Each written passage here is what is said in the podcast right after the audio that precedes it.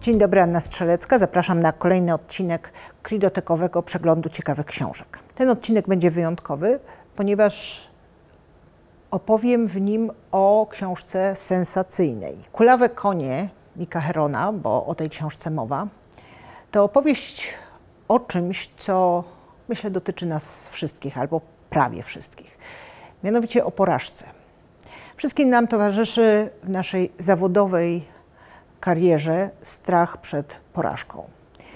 Wydaje się, że ta porażka to jest koniec świata, to jest coś, co zabierze nam wszystko, tak? będzie związane z utratą tego status quo, tego co mamy, tego z, z czym czujemy się bezpiecznie. Kulawe konie opowiadają o agentach wywiadu, którzy zawiedli i trafili do takiej firmy utworzonej specjalnie dla nich. Sama fabuła bardzo dobrze napisana, ale ważniejsze jest to, że ta książka oswaja ze strachem przed porażką. Pokazuje, że jest życie po porażce, nie ma tam fajerwerków jakichś nadmiernych, że y, niedoceniany agent nagle staje się gwiazdą. Niby tak, ale nie do końca, bo ten, ten strach, to obciążenie, najpierw strach, a potem obciążenie porażką pozostaje. Ale to nie zmienia faktu, że życie toczy się dalej i można próbować sobie je układać tak czy inaczej. Bardzo momentami smutna książka, bardzo dobrze napisana i dla tych, którzy żyją w wiecznym strachu przed błędem,